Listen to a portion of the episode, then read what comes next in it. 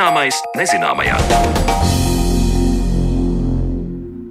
Esiet sveicināti redzījumā zināmais nezināmajā. Turpmāko stundu ar jums kopā būšu es Sandra Kropa. Kārdinājums atklāt nezināmo ātrāk nekā citiem var būt gana liels, lai arī zinātnē, kur taču tiek izmantotas noteiktas metodas un skaidra mērījuma, taptu paziņojumi par atklājumiem, kas vēlāk izrādījušies kļūdaini. Vēl nesen arī mūsu raidījuma ētrā runājām par atklājumu, kas, nu kā izrādās, ir bijis nepaties. Kāpēc zinātnē ar vienu ir iespējams kļūdas saruna par to raidījumu otrajā daļā, taču pirms tam stāsts par kādu ķīmisku elementu, ko agrāk izmantojām diezgan plaši. Ķīmisko elementu arsēnu cilvēks pazīst sen un gandrīz tikpat ilgi zina gan tā derīgās, gan bīstamās īpašības. Medicīna, māksla, arhitektūra šīs ir dažas no jomām, kurās arsēnam bijusi būtiska loma. Mūsdienās par arsēnu uzvedību esam noskaidrojuši gana daudz jauna, un vairākās nozarēs arsēns šobrīd vairs netiek izmantots. Kāpēc tā un kā tad pilnveidojušās zināšanas par šo ķīmisko elementu, par to visu vairāk Marionas Baltkalns veidotajā ierakstā. Zemes garozā arsēns nav tas visizplatītākais ķīmiskais elements. Izplatības ziņā tas varētu būt kaut kur noteikti pēc otrā desmita, taču arsēna minerālu skaits ir ļoti liels un nu, atkarībā no kā kurā literatūrā, citur tiek minēta apmēram 300 arsēna minerāli, citur vēl lielāks arsēna minerālu skaits. Un tādā nu, geogrāfiskā izplatības ziņā Tātad viena no tām valstīm, kur arsēna ir daudz, tā ir Ķīna. E, Čīlē arī gana lieli arsēna krājumi, Kanādā lieli arsēna krājumi. Nu, pārējās valstīs laikam tas ir mazāk. Un e, brīvā veidā arsēns laikam ļoti, ļoti reti kādreiz varētu būt sastopams, bet tie ir arsēna minerāli. Un šeit ir viena minerālu grupa, arsēns kopā ar sēru, arsēna sulfīdi. E, nākošā minerālu grupa, e, kur ir arsēns, tas ir arsēns kopā ar smagajiem metāliem. E, šeit laikam tas pazīstamākais savienojums ir arsenopirīts. Tātad savienojums, kurš satur dzelzi, kurš satur sēru un satur arsēnu. Un tas ir viens no tiem galvenajiem arsēna ieguves avotiem šobrīd. Šādu vispārīgu skaidrojumu par ķīmisko elementu arsēnu sniedz Latvijas Universitātes ķīmijas fakultātes asociētais profesors Jānis Švirksts, bet tālāk pievēršamies stāstiem par to, cik dažādos veidos arsēns izmantots agrāk un tagad.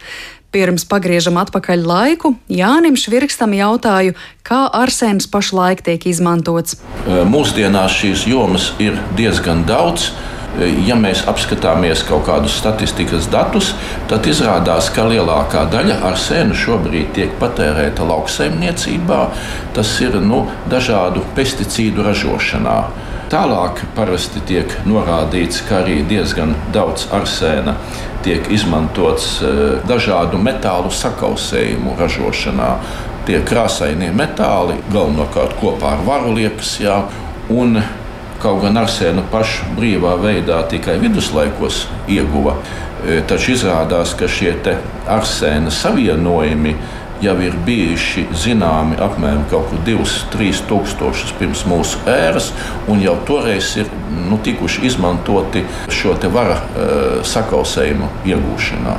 Es ieraudzīju sev uz galda baterijas un iedomājos, baterijas un tādas elektroiekārtas varbūt arī ir tās, kurās arsēns noderētu. E, moderns arsēna izmantošanas veids.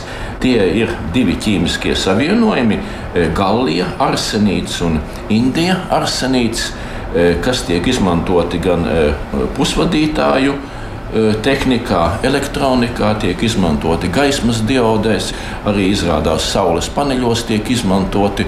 Nu, tie ir tādi ļoti mūsdienīgi izmantošanas veidi. Bet, ja teiksim, skatītos uz to absolūto nu, arsēna masu, kas tiek izlietota, nu, tad tajos ir nesalīdzināmi mazāk nekā šajā lauksaimniecībā. Un arī šobrīd arsēna viens no tiem izmantošanas veidiem ir e, koksnes impregnēšanā, lai aizsargātu koksni. Tāpat arī e, ļoti šie vieni no tiem tipiskākajiem arsēna savienojumiem, kas agrāk tika izmantoti, tas ir tā sauktais baltais arsēns no ķīmiskā viedokļa.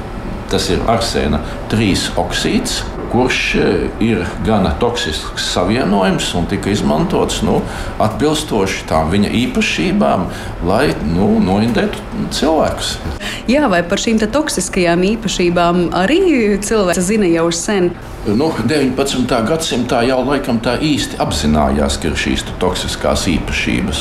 Iespējams, ka e, indēšanā varbūt arī ātrāk tika izmantots jā, ilgstoši to arsēna trīs oksīdu, ja balto arsēnu izmantoja e, šajā indēšanā, tāpēc, ka bija grūti pierādīt, ka e, nu, šāda inde ir bijusi. Jā, faktiski šī arsēna atklāšana pēc tam balstījās uz tā saucamo marša reakciju, ka šo objektu, nu, tas varētu būt kaut vai piemēram kuģa saturs, jā, ka ir aizdomas, ka tur kas, kāds cilvēks ar šo arsēnu ir indēts.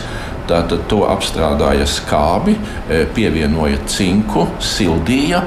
Un, ja e, šis objekts saturēja arsēnu, tad arsēns veidoja gāzveida savienojumu, ko sauc par arsēnu ūdeņradi, tādu viegli gaistošu gāzi.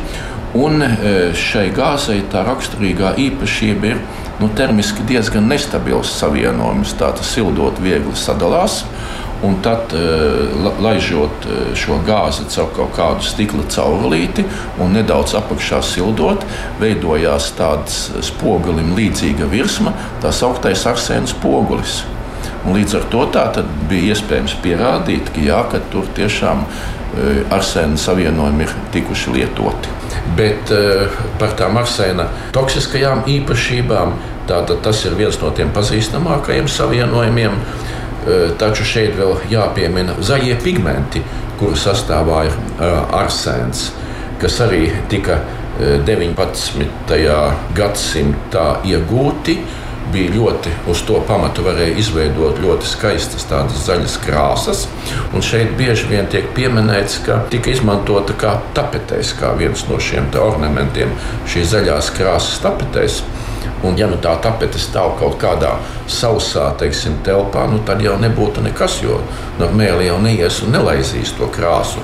Bet to tās problēmas laikam radās tad, ja bija mitrs e, kaut kur, ja mitrās telpās stāvot, ka tur parādījās arī dažādi šie mikroorganismi, e, kuri e, iedarbojoties ar šo krāsu, arsēnu pārveidoja par gaistošajiem arsēna savienojumiem, un līdz ar to jau šie arsēna savienojumi bija tie, kas gāzes veidā, nelielās, ļoti nelielās koncentrācijās šajās dzīvojamās telpās tur nokļuva. Un, ja tur ilgstoši uzturējās, nu, tad tas tika ieelpots. Un, nu, lai ar tās krāsas bija ļoti skaistas, nu šobrīd tādas mēs vairs neizmantojam. Šo te ārkārtīgi skaisto zaļo krāsu sauca par Parīzes zaļo. Pirms tam bijis pazīstams arī šēles zaļais ar citu ķīmisko sastāvu un netik intensīvu toni. Jānis Švirks sarunā min, ka arsēns lietots arī indīgās kaujas gāzēs un pirotehnikā, bet pieminētais 19. gadsimts pazīstams ne tikai ar marša reakcijas izstrādi.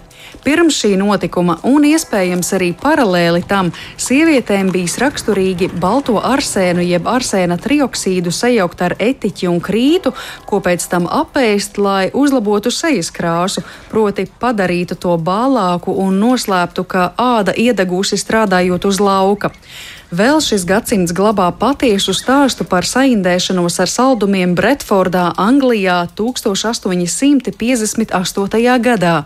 Tirgū pārdotu konfekšu sastāvā nejauši bija nonācis arsēns, izraisot 21 cilvēka nāvi un vairāk nekā 200 cilvēku saindēšanos.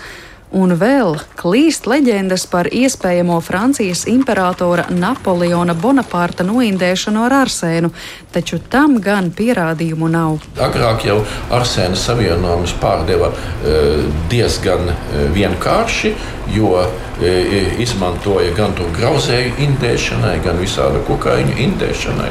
Un, acīm redzot, man liekas, vajadzēja tikai parakstīties aptiekā un varēja nopirkt. Jā, un, un kaut kur laikam pirms kādiem simts gadiem jau sākās tās nu, īstā tāda regulēšana, ka nevar vairs pārdot visu, ko un visu, ko. Jā.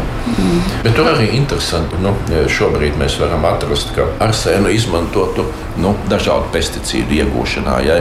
Tā pašā laikā viens no arsēna savienojumiem no organiskiem savienojumiem, tiekot pievienots nu, lopbarībai, arī putnu barībai. Un tā tad ļoti niecīgās koncentrācijās nav šī toksiskākā iedarbība. Un tur raksta, ka tieši otrādi viņš veicina šo putnu attīstību. Nu, raksta arī, ka kaut kādas nu, joprojām nedaudz izmanto leikēmijas ārstēšanā, ļaundabīgu audzēju ārstēšanā, ar sēnu savienojumus. Un te laikam tas pazīstamākais ir tā, nu, 20. gadsimta sākumā sifilis ārstēšanā izmantoja laikam līdz 1940. gadam, bet pēc tam antibiotikas parādījās, un, un tas vairs nebija tik svarīgi. Vēsturei nu jau pieder arī marša reakcija, jo mūsdienās arsēnu konstatē ar citām metodēm, un arī ķīmiju studējošajiem arsēna paraugi dažādu drošības apsvērumu dēļ netiek demonstrēti. Liekas, ka līdz ar to arsēns veselību un dzīvību šobrīd cilvēkiem vairs tik ļoti neapdraud. Bet... Viena no tām e, šīs dienas problēmām ir tas, ka ļoti daudzās valstīs dzeramie ūdeņi ir piesārņoti ar arsēnu. Tad faktiski iznāk, ka tie ir plūduši caur kādām varbūt tur e, iežiem kas ir arsēna savienojumus kaut kur saturējuši.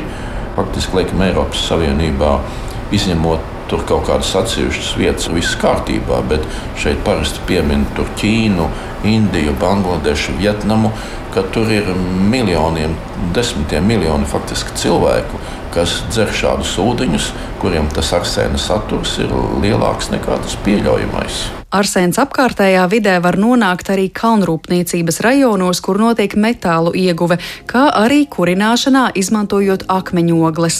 Vēl arsēns raisīja pamatīgu zinātnieku diskusiju 2011. gadā. Kādā zinātniskā rakstā tika minēts, ka no Mono ezera ASV iegūtas baktērijas arsēnu spēja iekļaut sava DNS sastāvā, un tādējādi konkrētais astrobioloģijas atklājums it kā ietekmētu meklējumus ārpus Zemes dzīvības liecībām. Taču citi pētnieki šo publikāciju kritizēja, norādot uz kļūdām un pārsteidzīgiem secinājumiem. Bet skaidrs ir tas, ka par arsēnu viss vēl pilnīgi skaidrs nav. Piemēram, tā nozīme cilvēka organismā, tā ka iespējas to pētīt dziļāk vēl noteikti ir. Par ķīmiskā elementa arsēna pielietojumu senāk un mūsdienās stāstīja Latvijas Universitātes ķīmijas fakultātes asociētais profesors Jānis Švirksts, un ar viņu tikās mana kolēģa Mariona Baltkalne. Bet raidījuma turpinājumā mēs parunāsim par to, kādas gan kļūdas piemeklē zinātniekus. Música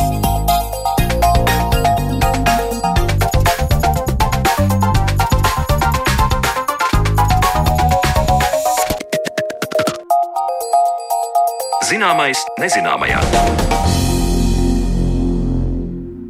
Vēl pavisam nesen raidījumā Zināmais nezināmajā mēs runājām par būtisku atklājumu. Uz Venēras atrasta gāzveida viela fosfīns, fosfīns, ko vismaz uz Zemes saist ar dzīvības klātbūtni. Tomēr vēlāk izrādījās, ka šis atklājums ir bijis kļūdains. Kāpēc tā un kā dabazinātnēs, kur taču tiek izmantotas tādas drošticamas metodas dati iegūt novērojumos un eksperimentos, arvien gadās arī kļūdas? Par to visu mēs runāsim raidījuma turpinājumā, jo mūsu attālinātajā studijā esam sazinājušies ar Latvijas Universitātes Mikrobioloģijas un Biotehnoloģija institūta vadošo pētnieku Jānu Liepiņu, kā arī Latvijas Universitātes fizikas, matemātikas un optometrijas fakultātes profesoru Vjačeslavu Kašķēju. Labdien jums abiem! Labdien! Labdien! Vispirms es varbūt Jānim vaicāšu, jo es zinu, ka mēs nu, salīdzinoši nesen ar tevi arī tikāmies studijā un runājām par to, nu, ar tādu cerīgu skatu nākotnē, iespējams par atklājumu, kas nu ir izdarīts. Uh, un tomēr Kas īsti notika ar to fosfīnu uz Venēras? Sākumā likās arī varbūt pētnieku vidū, ka nu, ir labas un skaistas ziņas, un iespējams mēs atrodam kaut kādu pavadienu jauniem jautājumiem par dzīvības iespējamību vai pastāvēšanu vai procesiem tajā. Un tagad liekas, ka viss ir noslaucīts un sākam visu no jauna. Nē, nu, jautāt par to, vai uz kādas citas planētas ir dzīvība, var un vajag vienmēr. Tas uh, galvenā problēma bija tāda, ka uh, nu, cilvēki, zinātnieki arī ir tikai cilvēki, un viņi uzzinot vienu kaut kādu faktu, kas varētu uh, apstiprināt viņu gaidas kaut kādā jautājumā. Piemēram, es ļoti gaidu, lai uz citām planētām arī apstiprinātos, ka tur ir dzīvība. Tad, ja es uzzinu, ka izrādās tajā planētā vai tās planētas spektrā ir parādījies fosfīns, uh, es, diemžēl, neesmu speciālists spektroskopijā, un uh, neesmu pārbaudījis detaļās, tātad, kā tad ir veidojies šis signāls, vai viņš ir bijis pareizi iegūts, vai uh, visi teiksim, kalibrācijas instrumentam ir bijuši pareizi un tam līdzīgi. Es varbūt viegliprātīgi paļaujos uz citu uh, zinātnieku uh, veikumu, un tad es domāju, jā, ej, bet tas bija interesanti, jo uz zemes fosfīru mēs varam dabūt tad un tikai tad, ja to ražo dzīvie organismi. Nu, un tad mēs domājam tālāk, kā tad tie dzīvie organismi varētu uz tās uh, planētas Veneras tur būt. Nu, kā mēs tagad jau dažas nedēļas esam konstatējuši, ka laikam tas fosfīds, tas signāls ir vairāk bijis mūsu gaidas, nevis, nevis faktiskais signāls. Jo izrādās, ka mērījums nav bijis līdz galam precīzs, un, un, un, un, un signāls nav nemaz no fosfīna, bet no kāda cita savienojuma. Vai pat ne savienojuma. Jā. Bet kopumā ir tā sajūta zinātniekiem šobrīd no tāda lielu kā, nožēlu un žēlumu skatāmies, kad nu, gribējām, bet nesanāca. Vai tas ir tāds ārprāts, ārprāts, kā mēs tādu kļūdu pieļāvām? Nu, kāda ir tā noskaņojums nu. zinātnieku vidū? Nu, patiesībā uh, man ir tāda sajūta, ka uh, vairākus gadus atpakaļ bija tāds gadījums, kur uh, aprakstīja baktēriju, kura iespējams fosforu vietā DNS sastāvā uzkrāja arsēnu un visi bija šausmīgi saproties. Sačukstējās un sarunājās, nu, nu, tagad nu gan ir jauna tipa dzīvība atrasta, un uh, fosforu var aizstāt ar arsēnu, un, un, un vispār nu, pavērsies tāda laukā vēl nekad. Uh, pagāja daži mēneši pat, cilvēki pārvērtēja iegūtos datus, un izrādās, ka tā baktērija, lai arī viņa dzīvo fosfo, fos, arsēnu bagātā vidē, uh, tomēr tas arsēns netiek aizvieto, to fosforu neaizvieto arsēns un nekāda jauna vai principiāli jauna ķīmija netika atklāta. Tā kā man liekas, ka šis ir kaut kur līdzīgs gadījums, ka tās gaidas ir vēl aizvien kaut kam radikāli jaunam, bet ķīmija, fizika un, un daudz citi mērījumi nu, tomēr to atceļ. Jā, bet pirms es dodu vārdu Jačeslavam, tad tā sajūta kopumā zinātniekiem šādos gadījumos ir tāda, nu, ka tas ir neatņemama mūsu darba sastāvdaļa, un redz, cik mēs precīzi tomēr mākam mērīt un atklāt arī kļūdas. Vai tā sajūta, ai, ka mēs bijām neuzmanīgi, vai redz, kā pasteidzāmies par ātru pasaulē kaut ko paziņot?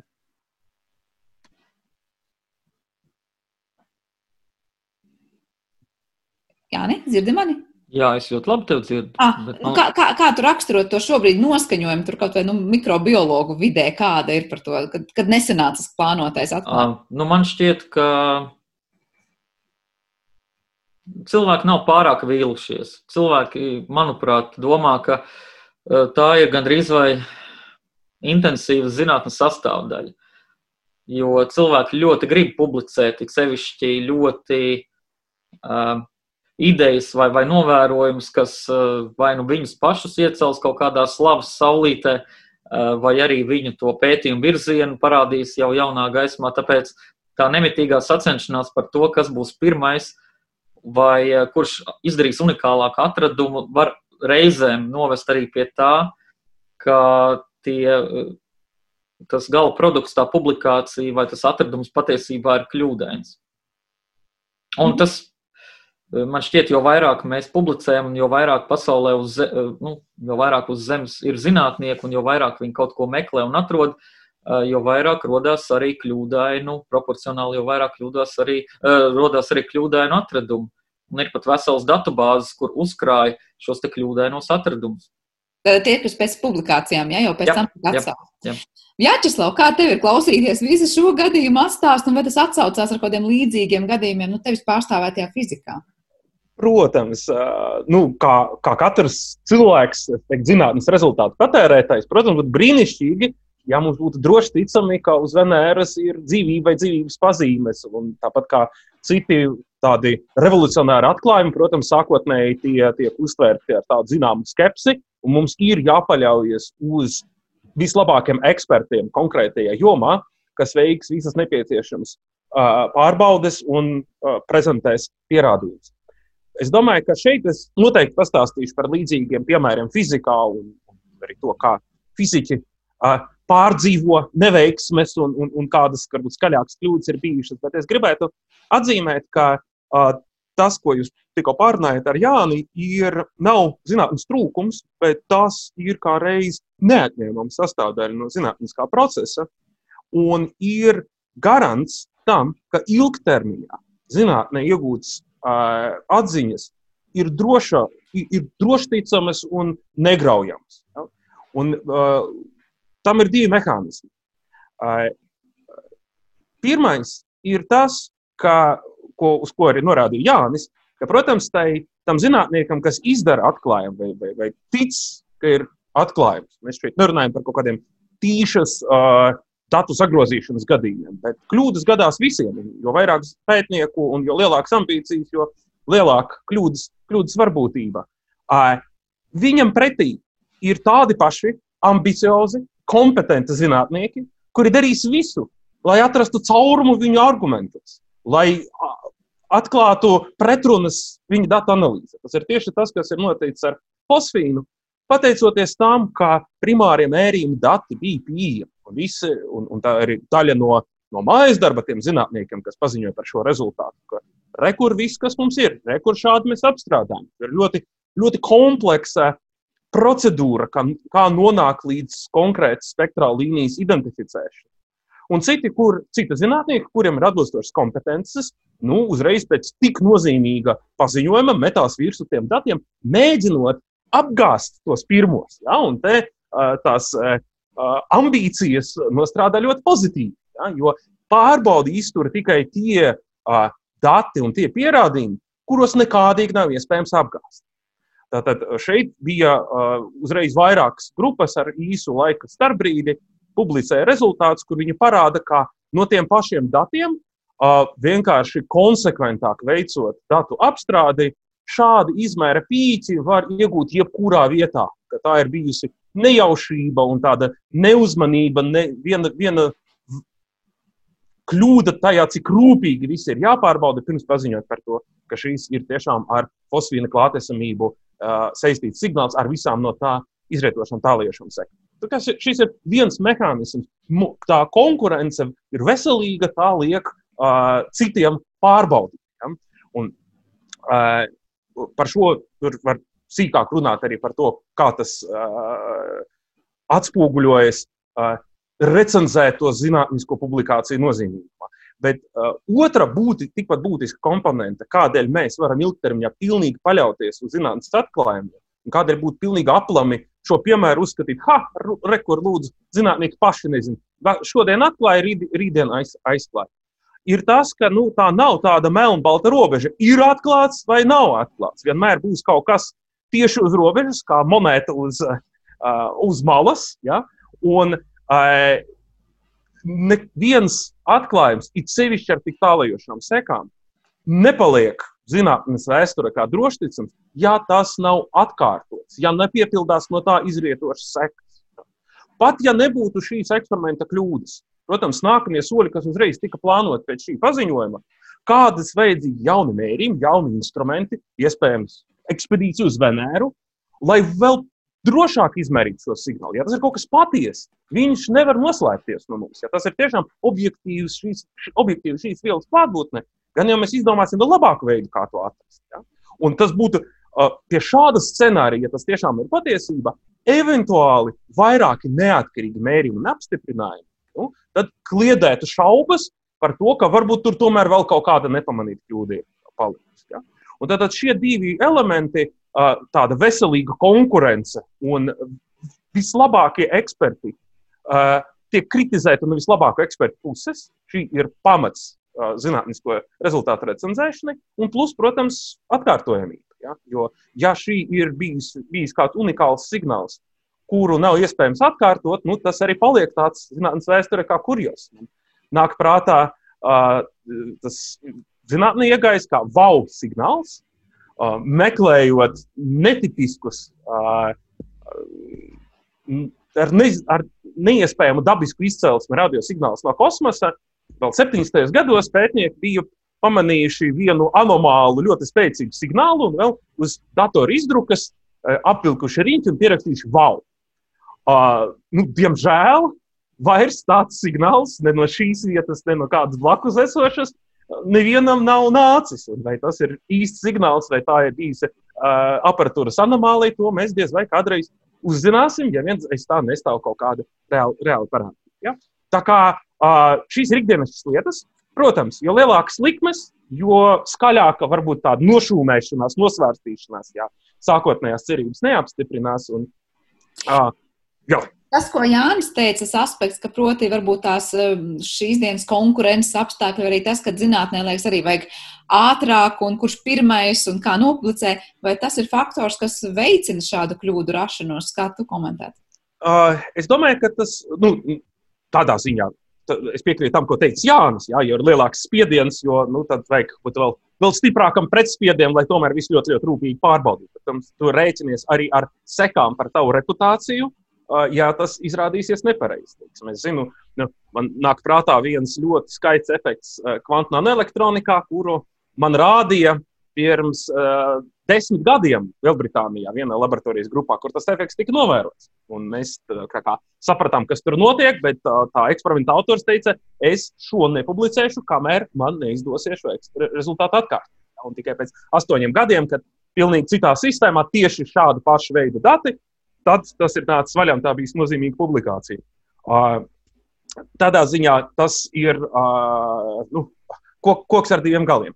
Tas, kas notiek, varbūt, ko var vērot kā tādu nu, ietekmi no, no, no ļoti uh, lielas konkurences par cilvēku uzmanību, gan plašas publikas uzmanību, gan uh, zinātniskās kopienas uzmanību, ir tas, ka kādā veidā zinātnieki, un ceļšķi lieli zinātniski kolektīvi, kur ir ieguldīts liels darbs un tās likmes ļoti lielas, kā viņi risina dilemmu, ar kuru tā vai citādi jāsastopas te katram pētniekam, kad viņam ir gatavs kāds rezultāts.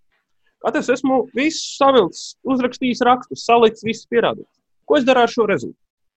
Tas tradicionālais ceļš ir nosūtīt šo rezultātu kāda žurnāla redakcija, kurš organizē nu, šo kritisko izvērtēšanu, kurš šo darbu pirms plašas publicēšanas nosūtīs neatkarīgi atlasītiem ekspertiem, kas tad mēģinās atrast tās kļūdas manā argumentā un, un pārbaudīs. Un, ja tie arī neatrod, nu, tad tas žurnāls publicē. Un, teiksim, šajā gadījumā ar fosfīnu šeit nu, nevar pētniekiem, tā, tā pētījuma autoriem pārmest, ka viņi nebūtu sekojoši šādai pārbaudē. Šī kļūda izsūcās cauri arī recenzentu cietam. Arī tie nav visu varoši, un arī tiem ir galīgi resursi, lai pārbaudītu katru, katru, katru, katru elementu. Uh, ir bijuši tādi nu, uh, vairāk ēnu par pētnieku reputāciju metoši piemēri. Uh, tā saucamā zinātnē ar preses relīzes palīdzību. Ja? Kad uh, zinātnieki vispirms paziņo plašs plašas saziņas līdzekļiem, pirms rezultāti ir iznākuši uh, žurnālā. Bet nu, šo, šo arī var saprast, uh, jo, jo, jo tā, tā otrā alternatīva, un tu alternatīvu arī izmanto pētnieki, tas, tas varbūt virzienā. Preses relīze pirms tev ir publicēts raksts recenzētā žurnālā, nav laba praksa ne vecajos laikos, ne jaunajos. Bet tas, kas jaunajos laikos saistībā ar nepieciešama pēc iespējas ātrāk to informāciju nodot, kas notiek arvien biežāk, ir tas, ka uh, pabeigta darba autora versija tiek uzreiz publicēta.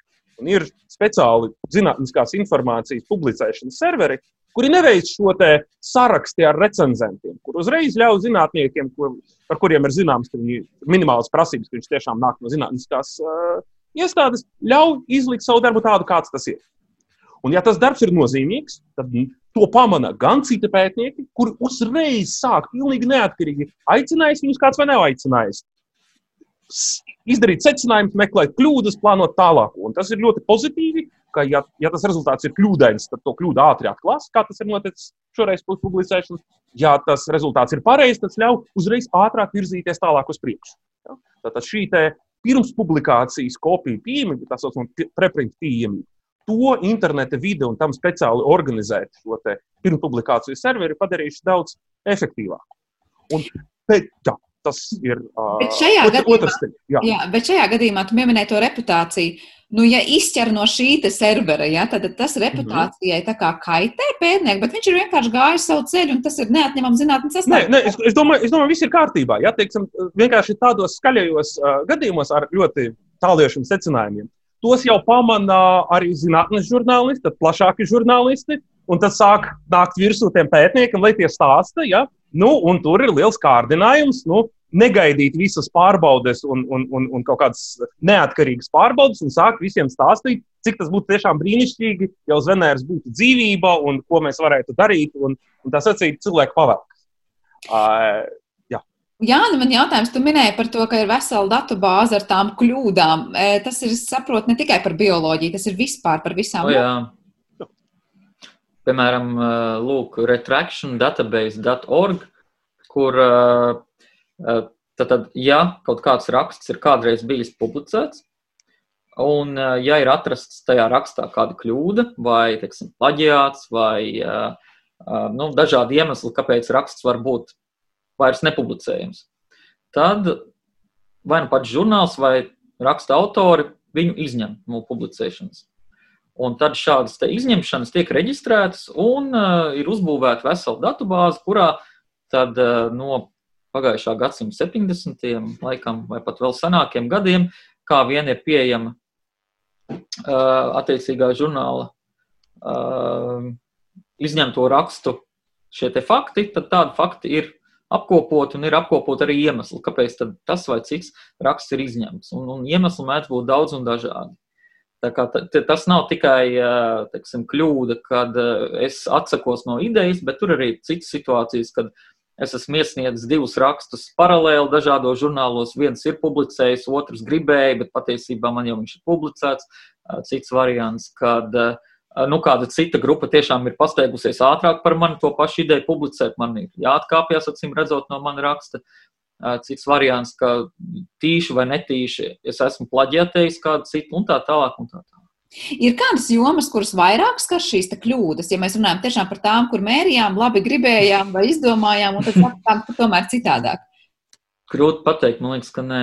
Es domāju, tas ir, tas ir universāli, jo kaut kādā ziņā tas ir iebūvēts pašā zinātniskās eh, pētniecības mērķī, ja, atklāt nezināmu un pirmajam nonākt tajā vietā, kur vēl neviens nav bijis. Ja. Un, ja tu eh, gaidīsi ļoti ilgi, visu rūpīgi, rūpīgi pārmērot un trīsreiz pārbaudot, ja tu pārāk vilcināsies, kāds jau nonāks tur priekšā. Ja. Un, ja ir tiešām, tas ir tiešām tā vērts virziens, tad tur jau daudzi, daudzi minas te uz, uz papēža. Ja.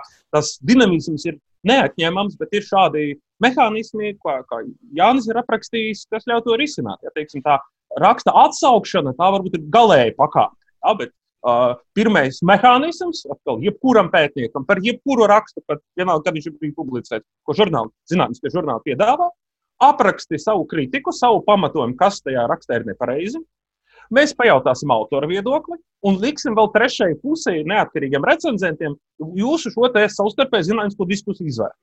Ja recenzenti atzīs, ka uh, nu, vispār tiem kritiķiem ir zināma daļa taisnības, varbūt simtprocentīgi, varbūt divdesmitprocentīgi, bet tas ir būtiski pieliek klāt pie tā, kas oriģinālajā rakstā ir bijis.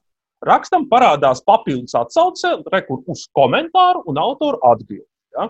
Uh, Man uh, pašam laikam ir, es biju līdzautors rakstam, kad vēl studēju maģistrantūrā, kurš nu, tādu ļoti tālējošu man zinātniskais vadītājs toreiz izdarīja apgalvojumu par vienu cietotu fizikas parādību, lūk, uz kuru citi pētnieki, kas šo parādību pētījuši, uzrakstījuši komentāru. Ja, viņu kritika nu, ir bijusi savs pamatojums, un tā nu, man ir nopublicēts gan tas oriģinālais raksts kopā ar manu zinātnisko vadītāju, gan mūsu atbildi mūsu kritiķiem, nu, cik tālu mēs varam uh, savus tālākus secinājumus izdarīt. Ļoti bieži pats mērījums, pieņemsim, ir pareizs, pret to nav nekādu iebildumu, bet ir iebildumi par interpretāciju, vai cik tā ir bijusi pārāk optimistiska vai, vai drosmīga.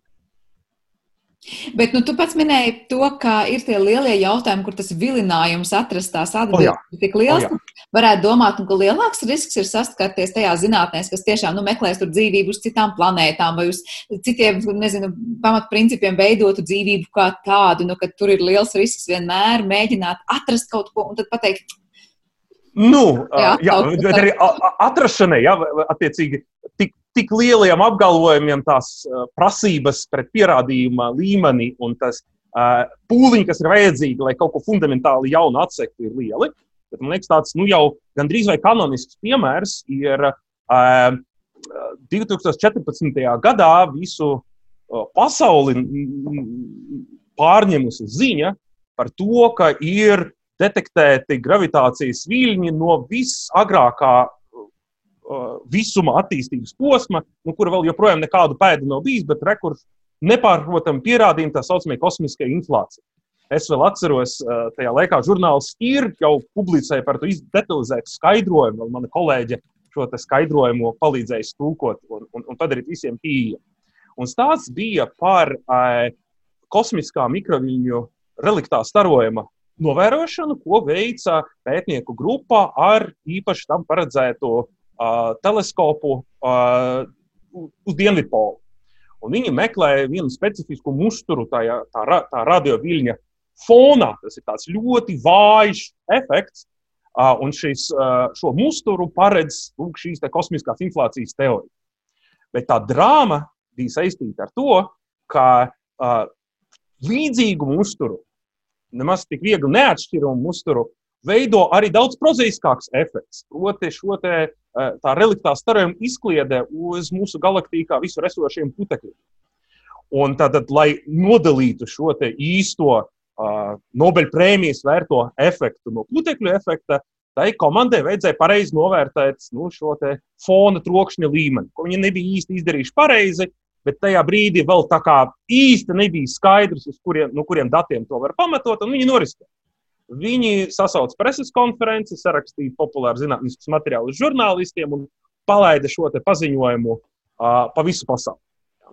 Un, protams, šo paziņojumu ir arī rūpīgi lasījusi Planka misijas komanda, kas ir, kas ir Eiropas uh, projekts un attiecīgais pavadonis, kas veica šī paša reliktā starojuma mērījumus, un tad viņi, balstoties uz saviem datiem, varēja daudz precīzāk to trokšņu karti sarēķināt un saliekot kopā šo divu komandu rezultātus, izrādījies, ka sākotnējais atklājums ir, ir aizklājums.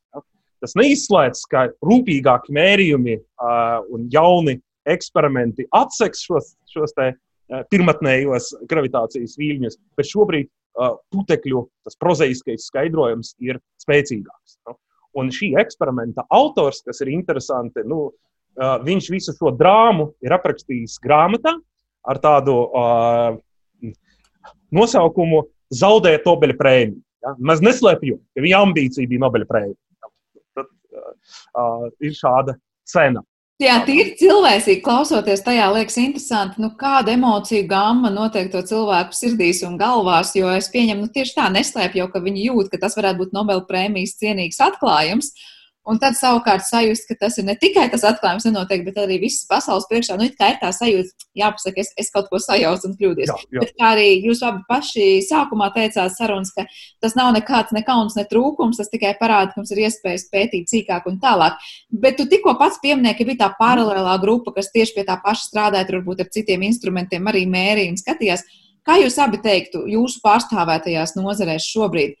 Ir tā varbūtība, ka tieši tāpēc, ka ir instrumenti un paralēlās grupas, kas pie kaut kā strādā šobrīd, nu, tāds laikmets, kad kļūdīties nenoliedzami būs nu, biežāka parādība, vai tas ir vairāk pielīdzināms uz, nu, mēs sakām, citiem gadsimtiem, kad tie priekšstati vispār mums bija vairāk varbūt, izplūduši par pasauli kā tādu. Nu, kaut vai nāk prātā, kad ticēja vēl, ka zeme plakana var būt, un, un, un, un tā, tas laiks, kad nu, varēja domāt, nu, tajā laikā taču zinātnieki varēja kļūdīties ik uz soļu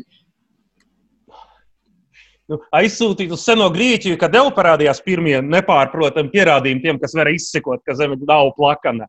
Ja? Uh, varbūt tāds pārāk liels uh, lēciens. Nu, man liekas, ka tā pati zinātnes metodes piedzimšana tieši ar šo neatkarīgu, objektīvu atkārtojamību un citu neatkarīgu pētnieku kritiku. Tā ir piedzimusi kopā ar mūsdienu zinātnī apgaismības laikā, formulējot arī principus, kas nodalījuši no uh, dabas zinātnes no dabas filozofijas. Jā, tas pats Newtona fundamentālais darbs, uh, naturāla filozofijas matemātiskie pamati, ka to, ko var o, vispārināt un matemātiski aprakstīt, nodalot no filozofiskiem spriedumiem, kas neprasa zinātnisku metodoloģiju. Vienmēr ir arī interpretācijas jautājumi, kur paliek katra subjektīva lieta, ja, un arī to zinātnieki neslēp, bet nu, tas viņa ētikas kodeks paredz, ka tu ļoti skaidri nodali, kas ir tavi secinājumi, kas balstās faktos un kā tieši tie balstās. Ja. nu, un kur ir spekulācija, kas nu, kaut kādā ziņā neatņemama sastāvdaļa, kas liek aizdomāties par nākamajiem soļiem un vispār noformulēt tās hipotēzes pirms, pirms rezultāti ir iegūti, kādam ir jānotic, ka tas vispār ir iespējams. Tur cilvēciskais elements nav, nav nodalāms. Bet tālāk par, par apgaismības laikmetu es uh, uh, neuzdrošinātos vilkt, vilkt paralēlis. Pārāk mm. daudz ir citādi. Jāņa kārtām dzīvības zinātnēm un vēlmi izzināt dažādos laikos, un šī, šo gadsimtu kā tādu nu, neatņemam, varbūt nu, izaicinājumu laiku, uh, kļūdīties vairāk. Um, man liekas, ka tā kā mēs, nu, sāksim ar vienkāršu, nu, nevis ar vienkāršu lietu, bet ar uh, tādu fenomenu, ka cilvēks un, un cilvēks, kas strādā zinātnē, skaidrs, ka liela daļa no zinātnes atbild uz tām problēmām vai vajadzībām, kuras tam cilvēkam tajā gadā, vai gadsimtā, vai gadu desmitgadē ir aktuāls. Tas noved pie tā, ka patiesībā ļoti daudz cilvēku strādā līdzīgās tēmās, vismaz dabas zinātnēm, ar medicīnu saistītām lietām un tam līdzīgi. Tātad tiešām ir daudz grupas, kas savā starpā tādā vai citādā veidā ļoti tieši konkurē. Tas savukārt noved pie tā, ka nu, pat tiešām mums ir iespēja, ja kaut kas ir atrasts vai noskaidrots vienā pasaules malā, tad diezgan strauji mēs to varam pārbaudīt. Gan pateicoties internetam, gan pateicoties, mēs vienkārši uzzinām par to ātrāk. Gan pateicoties tam, ka tiešām paralēli strādā daža, vairākas grupas vienā tajā pašā jautājumā.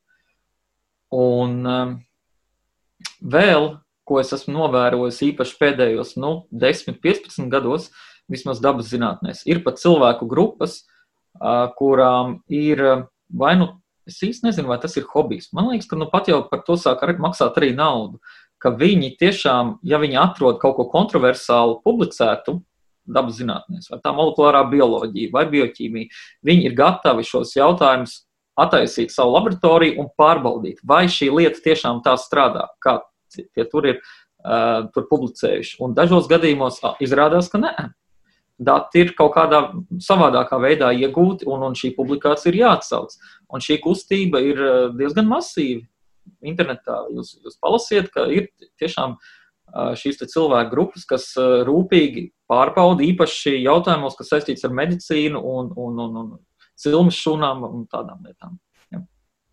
Tā kā, nu, klausoties jūs abos, nākas secināt, ka, zināt, tāda traki grūta lieta, jo no vienas puses ir deksme izzināt un atbildēt, tajā pašā laikā sajūt, ka, nu, vārdi tiešām nozīmē tev kāds skatās uz pirkstiem un pārbaudīs katru tavu vārdu un teikumu, un tajā pašā laikā gribas eh, nākt klajā droši vien ar tām atbildēm pēc iespējas ātri, un savukārt tas, ko arī Večslavs teica, nu, ka tās pārmērīšanas, pārskaitīšanas dažkārt, dažkārt var notikt pat pēc desmit gadiem, un savukārt tu neko nepublicē, kamēr tev desmit gadi nav pagājuši.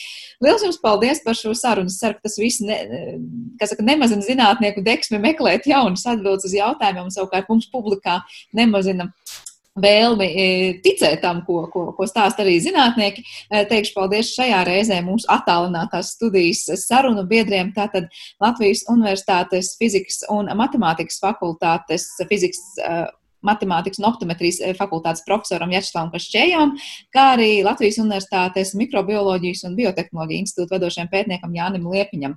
Ar to arī šīs raidījums ir izskanējis un atgādināšu, ka šo un citu zināmais nezināmajās stāstus varat meklēt arī populārākajās podkāstu vietnēs. Ar to arī es atvados un uz tikšanos!